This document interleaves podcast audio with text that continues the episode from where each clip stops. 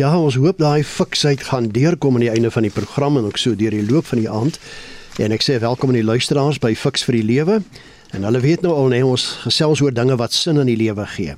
En saam met my kuier Dr. Gustaf Gous, teoloog, professionele internasionale spreker. Goeienaand Gustaf. Hallo Flip. Lekker om saam te gesels oor verhoudinge wat herstel kan word, maar die vraag is baie keer ook moet alle verhoudinge herstel? Ja, en ek wonder oor daai kan word, mos gaan daaroor gesels. Ek wil net vir die luisteraars daarop wys dat in die programreeks begelei Dr. Gustaf 'n paar RSG luisteraars raak in 'n probleem waarmee hulle worstel. En die begeleiding het nou oor 13 weke geskied. Daar's nog so 2 weke daarvan oor. En vanaand gaan ons terugvoer kry oor die eerste dame met wie hy gesels het. Dit is Janine Lamberts Opperman wat so later 'n bietjie meer daaroor. En dan gee die program nie aan jou as luisteraar voorskrifte van presies hoe om te lewe nie, maar riglyne waarbinne jy self keuses kan maak. Er is geen stem ook nie noodwendig saam met die opinie van enige persoon wat aan die program deelneem nie. Stukkende, gebrokene, gebroke verhoudings, dit kry jy om elke hoek en draai. Dis nou mense wat hulle woord teenoor ander verbreek, wat iets doen om die ander in die harnas te jaag, wat mekaar vloek en uitskel, wat iemand verneder en selfs fisies mishandel. Ag die lysie kan ons seker baie langer maak. En nou lyk dit soms onmoontlik om sulke verhoudings weer te herstel. Of is dit? In Fiks vir die lewe gesels ons vanaand hieroor. Gustaf om mee weg te spring.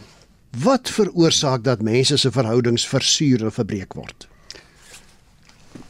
In elke verhouding is daar 'n kom ons noem dit 'n sosiale kontrak. Daar's verwagtinge. Of dit nou tussen ouers en kinders is, daar's 'n verwagting dat ouers bietjie vir kinders gaan sorg en kinders daarom so effens gehoorsaam gaan wees.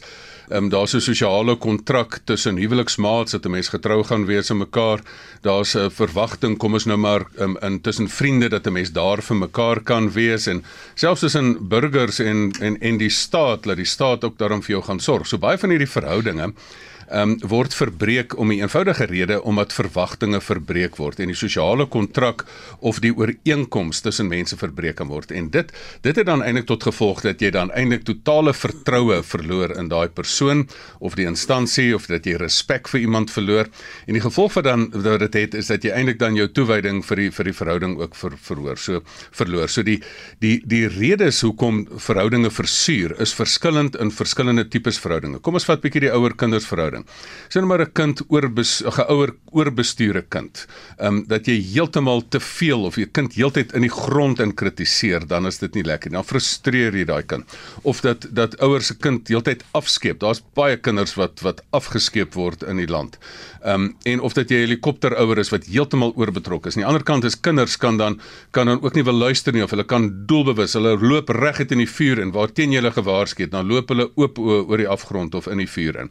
So dit kan dit kan daai rede wees. In liefdesverhoudinge is dit maar baie keer ontrou en selfsug. Ehm um, in in kom ons noem dit nou maar in vriendskappe is. Dit dat 'n vriend jy verwag dat iemand gaan tyd maak vir jou dit gaan daar wees vir jou jou oproepe gaan vat maar dan kom jy agter maar jy's nie 'n prioriteit nie mense is nie daar vir mekaar nie. Weet jy in besigheidsverhoudinge gebeur dit baie. Weet jy wat gebeur daar? Mense steel mekaar se geld. So ek is 'n besigheid met hierdie ou maar hierdie ou steel my geld. So dit is nie dis nie 'n verhouding waarin jy wil wees nie. Ehm um, en dan dan kan dit maar veral soos ek ook genoem het in die in die staat is dit uh, letterlik ehm um, daar is 'n verwagting dat daar die staat eintlik vir jou moet sorg of wat hierdie politieke party vir jou moet sorg en wat vir my so absurd is is dat mense dan baie keer in hierdie verhoudinge bly. Ehm um, dat jy sê dat jy ek noem ons nou so daar in Suid-Afrika ons is in die vernielde burger sindroom. Dit is 'n baie slegte manier, spesiale manier van dom of kom ek stel dit dan nou maar sagter, 'n spesiale manier van onwys om te bly in hierdie verhoudinge waar jy verniel word tot in die grond in. Maar die vraag is watter van daai verhoudinge moet 'n mens probeer herstel? Ja, nou wonder ek so, Gustaf, as ek na jou luister, Hoe moontlik is dit vir 'n mens om 'n breuk in 'n verhouding te sien aankom? daar is iets soos oorsaak en gevolg, né? Dood het 'n oorsaak. Um, ek sê altyd vir mense, daar's reëls vir sukses in die lewe, maar weet jy, daar's ook gewaarborgde reëls vir mislukking in die lewe. Daar is gewaarborgde metodes om 'n verhouding te laat skibreek lê.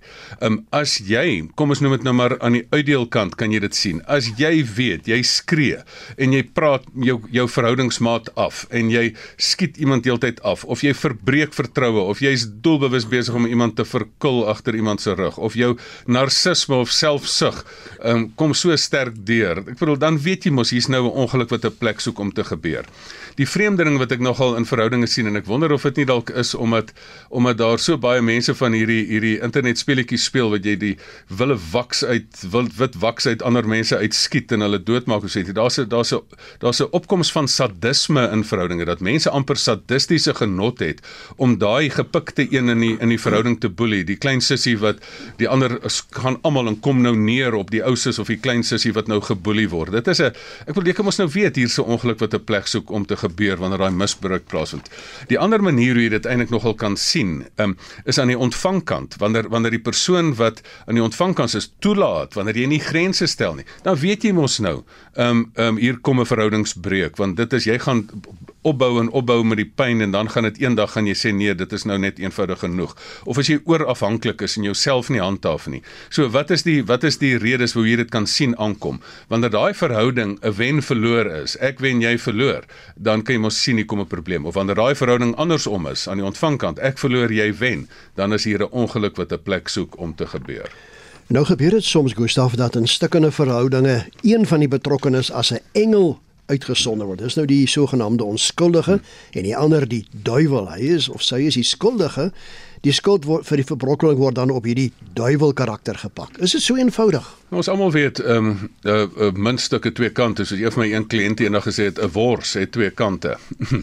maar ehm um, maar na 'n verhouding, dit is 'n baie natuurlike geneigtheid wat ek sien dat na 'n verhouding nie gewerk het nie, veral baie keer omdat 'n huwelik nie gewerk het nie, dan soek die persoon selfregverdiging en hulle wil eintlik hulle ego in die oë van ander of in die oë van die samelewing probeer handhaaf en dan vertel mense baie keer net een helfte van die storie in plaas van dat hulle stil bly en sê man, laat hierdie ding net gaan en kom ons probeer net so min as moontlik skade na albei kante doen. Probeer iemand nou die ander een se naam met 'n plank slaan en sê maar na buite sê my man het my verneuk en sies jou vark en dit is jy wat dit veroorsaak het. Maar die ander helfte van die storie is wat nie vertel word nie is daai vrou was so koud soos 'n vis of soos 'n yskas of het 'n aaklige persoonlikheid gehad of 'n skerp tong wat die arme man uitmekaar uitgeskree het en dit word verswyg. Ehm um, nou in in 'n spreekkamer het 'n mens dan daai inligting hoor jy al twee kante van die storie en en maar die die, die ding is baie keer word die ander helfte van die storie te verswyg. Nie dat daai man reg gehad het om dit te doen. Daar's baie mans wat dit kry en dan ek bedoel dit is moreel verkeerd om iemand te gaan staan en verkil. Ehm um, maar die eerbare pad sou wees: gaan vir huweliksberading of probeer dan net skei en sê luister hierdie ding werk nie. So dit is geen verskoning om om binne buite die lyne uit te ehm um, um, in te kleur of so iets nie. Natuurlik is dit andersom ook. Ek bedoel 'n vrou kan um, kan ontrou wees, maar dan is sy afgeskeep en dit is geen beskerming gekry nie en is met selfsug in die grond ingeploeg en dies meer en verniel. Ehm um, so ehm um, wat baie keer met 'n mens nou maar die mense se se storie met 'n mens maar dis maar beter om 'n korter storie vir mense te vertel as jy dit probeer want daar sê ook sê lê ook oneer in om die ander persoon se naam heeltyd met 'n plank te probeer slaan.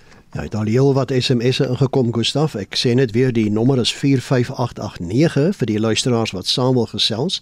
Onthou net die SMS'e kos R1.50. Een van die luisteraars sê my man pleeg egbreek op 80. Einde van 'n huwelik van 23 jaar. Kan nie meer aangaan nie. En uh, iemand anders sê in gebroke verhoudings is God altyd afwesig, dis Koos van Hoekwil. En nog iemand sê maar onvervulde verwagtinge gee baie keer aanleiding tot teleurstellings en gebroke verhoudings. Nou party mense sê dit wil gedoen wees. Hoe kry jy dit reg? Maar maar ander mense sal sê maar um, ontrouheid lê nie net altyd op fisiese gebied nie. Jy kan emosioneel ook ontrou wees en jou maat verskriklik seermaak. Uh, my vraag is net, um, hierdie ding het kom vermoedelik al lankal en so dit is 'n ding wat dan oor 'n baie langer tydperk al moes aangespreek gewees het. En ek dink hulle is reg as hulle sê dat dat die groot ding wat die breuk in verhoudinge veroorsaak is die on, is die verwagtinge wat teleurgestel het. Jy verwag 'n stukkie getrouheid en dit vind nie plaas nie. Jy verwag 'n stukkie intimiteit en is nie daar nie. Jy verwag 'n stukkie eerlikheid hulle steel die geld uit jou beursie uit. So dit is um, dit is die groot hartseer wat ons hiermee werk. Ek wonder nou terwyl jy so gesels en terwyl ek die SMS'e lees Gustaf, tot watter mate moet 'n mens altyd probeer om 'n stukkende verhouding te herstel? Kyk die die ideaal moet 'n mens lewend hou. Um, ek sal altyd tot in die laaste loopgraf beklei vir 'n uh, huwelik. En um, miskien is dit selfs ook 'n Bybelse beginsel van daar staan selfs in Romeine 12 vers 18 as dit moontlik is um, en dit sover dit van julle afhang kan julle nie in vrede met alle mense saamleef nie. Ek bedoel dit word in Hebreërs 12 vers 14 word dit herhaal beywer julle vir vrede met alle mense. Maar dit is nogal interessant dat hierdie provisio hier ingebou is as dit moontlik is. Weet jy baie keer is dit nie net moontlik nie, baie keer is dit nie wenslik om 'n stuk in 'n verhouding te laat herstel nie. So ware mens um die eerste prys het. Ek wil as dit tussen ouers en kinders of tussen um selfs al is dit volwasse ouers en kinders dat jy dat jy sê moet ek hierdie verhouding herstel. Ja, nou huwelik waar daar kinders is, probeer jy altyd en waar ouers en kinders is, jou ouers het jou in die wêreld gebring en jy probeer altyd met met hulle en as jy nou van jou ouers se lewenstyl verskil of hulle lewenskeuses verskil, daar kom 'n tyd in jou lewe wat jy sê maar luister, hierdie ding is nie so so belangrik nie. Um as jy van elke persoon van wie jy verskil, jouself moet afskei, gaan jy maar 'n baie alleen mens wees want dis omtrent almal in die wêreld. Maar hier moet ek dit baie duidelik sê en dit wil ek vandaag hard onderstreep. Weet jy daar's baie keer verhoudinge wat jy nie moet probeer herstel nie. Sê nou maar daar is 'n liefdesverhouding waarin daar wat 'n toksiese verhouding is of 'n ouerskapverhouding wat 'n toksiese verhouding is waar daar geweld is, waar daar misbruik is, waar jy afgebreek word tot in jou siel intoe, waar jy geboelie word. Ehm um, dan moet mense nie kom met storieetjies en sê nee, dit is nou maar beter ons moet hierdie verhouding herstel nie. Ek bedoel wat maak jy? Kom ek kom ek noem harde praktiese voorbeelde. Wat maak jy van 'n 13-jarige dogter wat vir haar ma sê, luister, daai mense by wie hulle moet laat bly, daai seun, die seun, die seun wat daar is molesteer my. En die ma sê net, "Ek moet net nie vir die mense sê nie." En gaan nou maar terug soheen toe. Ehm um, en en klaar by die pa en sê nie, die, die pa dink jy ek weet nie daarvan nie. Ehm um, uh, ruk jouself net reg. Weet jy, ek bedoel van sulke ouers moet jy afgeskuif word. Dit is so toksies en dan as ouers dan kom met die storie um, dat hulle sê maar um, eer jou vader en die moeder en jy's die moeilikheidmaker in die familie, dan sê ek, weet jy wat? 'n um, Swak teologie het nog altyd tot swak uitkomste gelei. Um daai ma en pa moet eintlik in die tronkland, want hulle moes die beskermheere gewees het vir daai vir daai kind en daai sosiale kontrak is verbreek. Um en net soos mens wanneer 'n uh, 'n uh, vrou se bors wat kanker het verwyder word en hulle noem dit 'n mastektomie, stel ek vir baie keer vir my kliënte 'n parentektomie voor um, dat jy moet afgeskei word van daai toksiese ouers. Weet jy as jy in 'n liefdesverhouding is en daai dit is jou, jou maat is 'n patologiese leenaar of jy's in 'n besigheidsverhouding. Weet jy, kan ek vir julle 'n praktiese voorbeeld noem, natuurlik anoniem. Uh, wat het ek nou die dag aanbeveel vir 'n persoon in Mpumalanga wat besef het sy besigheidsmaat is betrokke by die by die by die korrupsie wat hulle Eskom probeer um, en dit is met ander woorde letterlik op daai punt wat dit was my aanbeveling breek jou verhouding met daai besigheidsmaat Weet jy wat het hy gedoen? Dit was die grootste bevryding in sy lewe dat daai verhouding um verbreek is. So baie keer moet jy vriendskapsverhoudinge moet nie voortgesit word nie. Baie keer moet huweliksverhoudinge nie voortgesit word nie waar jy besef um waar jou mate patologiese leenaar is. Want wat hoe hoe takseer jy hoe watter verhouding moet voortgaan? Jy takseer en sê wat het gebeur en dan besef jy as niks anders is nie, dan moet jy 'n harde grens stel. En dan is die gesegde daar: mense is in jou lewe vir 'n rede, vir 'n seisoen of 'n leeftyd. En ons baie keer mense wat nie in die volgende seisoen in jou lewe moet wees nie.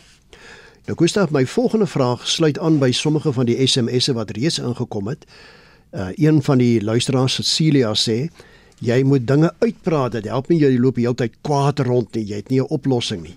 En dan sê Wilhelmina die Bybel in praktyk sê vergewe asof die slegte gebeurtenis nooit plaasgevind het nie. En sy verwys na Matteus 6, die ons Vader gebed waar die Here eintlik sê dat hy ons sondes sal vergewe. En dan natuurlik uh, is daar heelwat ander mense wat dieselfde tipe dinge sê, maar ek wil nou vir jou vra. Help ons 'n bietjie prakties raak. Dis mos die doel van Fix vir die lewe. Hoe kan stukkende verhoudings herstel word? Is daar hoop en wat word van my verwag? Natuurlik is daar hoop want waar 'n wil is, is 'n weg. Maar wat jy vir jouself, wat jy vir jouself afvra, wanneer jy in so 'n stukkende verhouding is, dan moet jy vir jouself eers afvra, um, is hierdie verhouding een van daai verhoudinge wat gered moet word? Met ander woorde wanneer daar 'n familieband is of wanneer daar 'n huwelik met kinders is. Ek bedoel jy probeer tot in die laaste loopgraaf om sommige verhoudinge te red. Sommige verhoudinge kan jy sê, luister ek eindig dit. Dis 'n besigheidsverhouding is klaar en is eenvoudig en ons sny en ons ons gaan sonder mekaar aan. Maar as jy dit dan wil herstel en daar's 'n gewilligheid, ehm um, vra ek altyd vir mense waar 'n wil is, is 'n weg. As al twee gewillig is, Dis interessant. Dit help nie net een een werk nie. Ek vra altyd vir mense in in in in vir in in die spreekkamer. Ehm um, wat doen ons hier? Huweliksberading, besluitnemingsberading of egskeidingsberading? As al twee huweliksberading wil doen, is daar hoop. As een egskeidingsberading wil doen en die ander huweliksberading, dan kan jy nie begin nie. Dit is nie moontlik nie. So jy dan sê mense, nou moet ons die ding uitpraat. Jy kan nie hierdie wat mense gewoonlik doen. Hulle vee dit onder die mat in. Hulle daar's nie kommunikasie nie. Kommunikasie is 'n immuniteitstelsel wat probleme met uit die weg het ruim, so jy moet die gesprek aan die gang sit. As mense dit self kon gedoen het, sou hulle dit gedoen het. En dis hoekom hulle dan meestal na 'n fasiliteerder toe moet gaan, want mense se kommunikasie het vasgeval. So gaan voor die gesprek onder toesig, want want want hulle kry dit nie reg om dit self te doen nie. Ehm um, dan in daai gesprek moet 'n goeie fasiliteerder dan sê wat het gebeur. Dan moet dit op die tafel kom. Jy kry die ding op die tafel. Ehm um, dan moet elkeen eerlik wees daar. Jy moet sê maar luister, wat se effek het hierdie gedrag op my gehad? Die persoon moet die sê maar luister, ehm um, hierdie gedrag het hierdie effek op my gehad. So jy moet daai diep gesprek voer. Ehm um, dan moet jy sê maar okay, dit het gebeur. Ehm um, wat was my skuld? Wat was die ander een se skuld? Ehm um, elkeen moet begin op by die punt kom dat daar selfs 'n verskoning uitkom en sê weet jy, ek erken, ja, jy het 'n fout gemaak, maar ek gaan nie net op joune fokus nie want jou gedrag is nie binne by beheer nie. My gedrag is binne by beheer. Uh, dit is wat 'n mens dan dan moet gedoen. So jy moet diep eerlik wees oor die gevoelens. Maar dan moet jy ook op 'n besluit kom en sê maar luister, ehm um, As dit nou gebeur het, kan ek dit oor my hart kry om te vergewe? Want ons baie mense wat sê dit het gebeur, maar hulle kry dit nie reg om die man te vergewe dat hy ontrou was nie. Of hulle kry dit nie reg nie wat wel 'n fout is en ek weet daar's mense wat vir my verskil op hierdie punt, maar ek is heilig oortuig van hierdie ene dat vergifnis, soos een van die luisteraars gesê het, vergifnis is nie 'n beginpunt. Die mense sê nee, maar sit maar net vergifnis en gooi dit oor al die sondes. Vergifnis is nie om 'n om 'n tafeldoek te gooi oor skottelgoed wat nie gewas is nie. Die gesprek wat gefasiliteer moet word tussen mense is dat die saak hard uitgepraat moet word. Dit is daai voer daai gesprek. Praat nou en vir ewig daarna hou jou hou jou vrede, maar die ding moet uitgepraat word. Die skottelgoed moet een vir een gewas word en na dit kan jy sê, okay, dinge is is anders, daarom kan ek jou vergewe. So jy kan iemand vergewe, maar baie keer ook nie die verhouding voortsit nie, want jy sê ek, ek vergewe jou daarvoor, want weet jy wat so vergifnis, dit is eintlik om die haat uit jou eie hart uit te kry en jouself weer skoon te maak. Dis eintlik 'n intrapersoonlike proses. Maar as jy dan op die punt kom en sê, weet jy, jy het vir my genoegsaam van oortuig. Dit is nie net ek weet nie net wat gebeur het nie, ek weet wat was anders. Dit was 'n donker stormagtige nag en jy het 'n fout gemaak en jy het 'n geestelike verdieping ondergaan en jy gaan dit nie weer maak nie. Dan kan 'n mens weer aangaan. En weet jy weet jy hoe ek dit sien aangaan? Daar's 'n baie interessante provisio hier. En dit is dat as jy weer aangaan en jy laat eintlik die persoon op parol uit en jy hou die persoon nog in 'n staat van beskuldiging en probeer aangaan, dan gaan daai verhouding nooit werk nie. Jy moet onverwaarlik vergewe um, dan nadat jy die skottel goed gewas het en dan kan jy weer voluit aangaan. En dan begin daar 'n stadige bouproses. Onthou jy breek vertroue in 'n oomblik, maar jy bou die verhouding oor tyd. Dan begin jy weer op 'n skoon vel papier. Stadig vir stadig bou jy weer vertroue. Stadig vir sta, punt vir punt be, bewys jy jouself weer en so kan verhoudinge herstel. Gustav, ek het nog so 'n paar vrae wat ek vir jou wil vra en ek sien die luisteraars reageer geweldig met SMS'e, maar kom ons hoor nou eers daardie gesprek waarna ek verwys het aan die begin. Janine Lamberts Opperman, wil jy net vir ons 'n inleiding gee, dan gaan ons gou hoor hoe dit verloop. Ek dink wat lekker is van Fix vir die lewe is dat um, onthou hier gee ons in 'n kort tydjie um, gee ons um, inligting, maar dit is eintlik vreg dit 'n langer proses om iemand te help. En die voorreg wat ek het gehad het om is om saam met Janine 'n pad te stap na die um, dood van haar baie geliefde man, um, Andrei, en hoe sy dan na die die pad gestap het en vir my wonderlik is um, oor waar ons haar vandag vind en dat sy eintlik dit besig is om reg te kry om aan te gaan. Janine, jy is een van die mense wat 'n voorbeeld is dat 'n mens 16 maande na die dood van jou geliefde Andrei kan aangaan in lewe, maar jy sê dat dit nog baie keer donker is, maar dat daar darm tye is wat die lig baie helder deurbreek. Gustaf, daar is definitief daar waar die lig deurbreek en ander dae is dit maar nog baie donker. Dit voel soms asof ek 5 tree vorentoe gee en 15 terug. Maar ek hou vas aan my geloof, my verhouding met God, my geliefdes rondom my en natuurlik die hoop vir die lewe. Janine, jy sê ook dat jy nog baie keer dink oor dit wat kon gewees het. Jy weet Gustaf, dit is natuurlik om te dink aan wat kon gewees het. Ek en Andre het baie planne gehad vir die lewe en jy weet vir die toekoms. So dan vra ek myself, wat maak ek met dit wat kon gewees het? Dit wat kon gewees het, kan ek niks meer aan doen nie. Maar daar is nog baie wat ek kan doen, want ek het hoop vir die lewe. Die dood van 'n geliefde is ook die einde van 'n hoofstuk. Maar jy het begin besef die einde het ook 'n einde toe die boedel bykans afgehandel is en die grafsteen amper opgesit is. Oor die jare het ek besef dat daar is baie seisoene en hoofstukke waardeur ons gaan. Dit is normaal. Dit mag dalk nie so voel in daai oomblik nie, maar dit is definitief deel van die lewe. En soos jy sê, alles waartoe ek gegaan het die afgelope 16 maande, jy weet dit kom ook tot 'n einde. Maar waar laat dit my? Definitief by die begin van die begin. Wat mooi was wat jy gesê het is dat jy baie self verbaas staan oor hoe ver jy gevorder het. Waar het jy die krag gekry om tot hier toe te vorder reeds? Ek kry definitief my krag van ons hemelse Vader af en baie familie en vriende wat my ondersteun Ek dink sommer aan Jesaja 41 vers 10 wat sê: Moenie bang wees nie, ek is by jou. Moenie bekommerd wees nie. Ek is jou God. Ek versterk jou. Ek help jou. Ek hou jou vas met my eie hand, red ek jou. En wat 'n pragtige belofte is dit wat God vir ons gee. Ek moet net my oë opslaan na die berge, Gustaf. Dit is waar my hulp en my krag vanaf kom. Daar was ook 'n dag dat jy besef het dat ander mense ook deur soortgelyke prosesse as jy gaan, al het hulle nie so naby aan ander gestaan nie. Ek was die naaste, maar nie die enigste een nie. Ek het besef daar is goed wat ek kan doen om ander te help sodat ek nie hul rouproses terughou of hinder nie. Soos byvoorbeeld om te praat oor ander, om vrae te beantwoord wat hulle dalk het, om vir ander te laat weet dat dit oukei okay is om te huil, om te verlang en dit is ook oukei okay om te glimlag. Ek het besef hartseer en vreugde kan saam bestaan. Kom ons som op, Janine. Jy het baie geleer in hierdie proses. Soveel so dat toe ander mense wat na Andrei se dood self 'n geliefde aan die dood afgestaan het na jou toe kom vir hulp, dat jy vir hulle nogal heelwat kon sê. Wat sal jy nou vandag na jou ervaring vir ander mense leer hoe om die dood van 'n geliefde te hanteer en daarna weer sinvol aan te gaan? Gustav, as jy my hierdie vraag 16 maande terug gevra het, sou ek vir jou gesê het, ek weet nie. Kan 'n mens aangaan na die dood van 'n geliefde? Ja, jy kan. Soms weet ek nog steeds nie hoe ek dit gedoen het en nog steeds doen nie. Maar ek wil graag die volgende deel en dit is ook waarmee jy vir my gehelp het op hierdie pad. Die eerste ding wat ek vir myself moes gesê het is Janine, besluit om elke dag op te staan. Al gaan jy net na die kombuis om 'n lekker warm koppie tee te geniet maar moet nie in die put van depressie val nie. Besluit om te glimlag. Alles dit met trane in jou oë.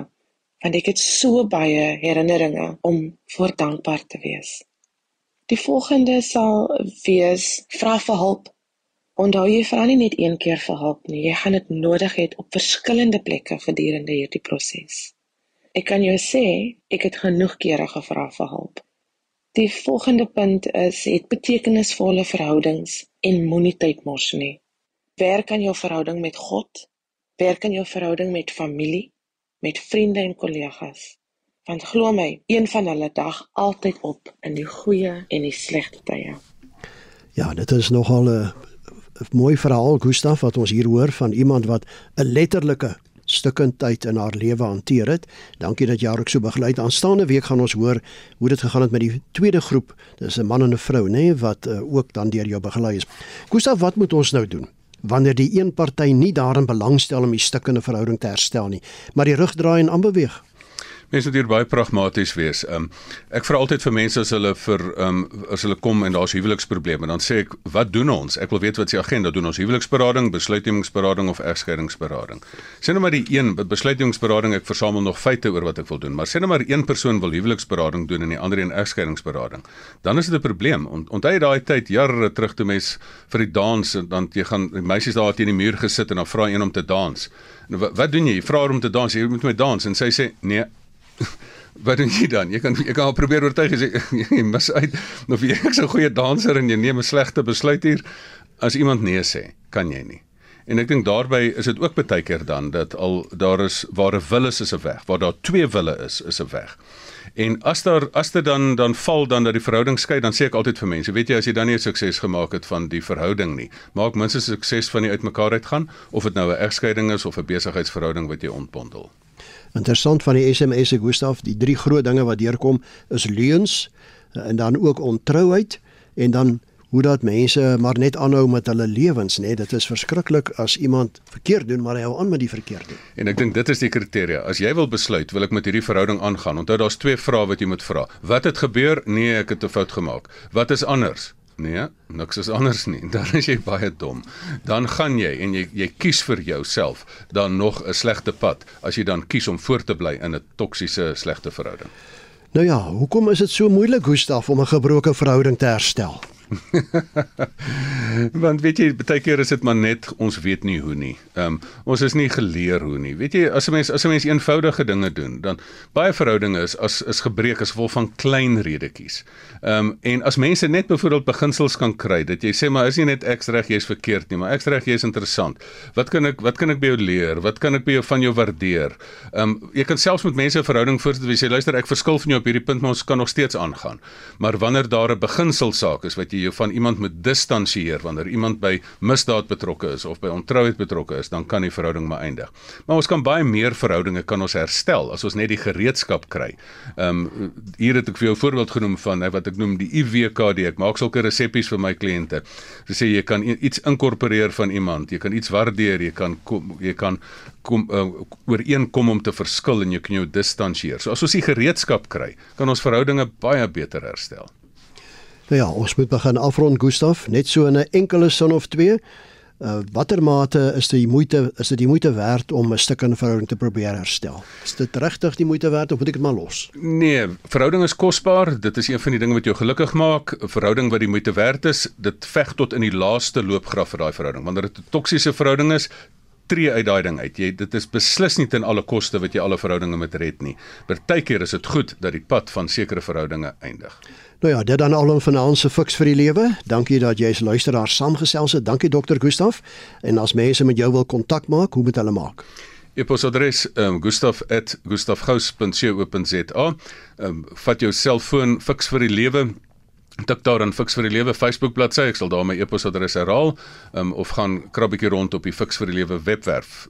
Ehm um, dan daar sal ook meer inligting wees. En die gous sonder 'n w. Absoluut, sonder 'n kinkel in die kabel. My kontakinligting flip by mediafocus.co.za. Tot ons dan weer saam kuier, DV volgende Sondag aand net na 7uur. Totsiens.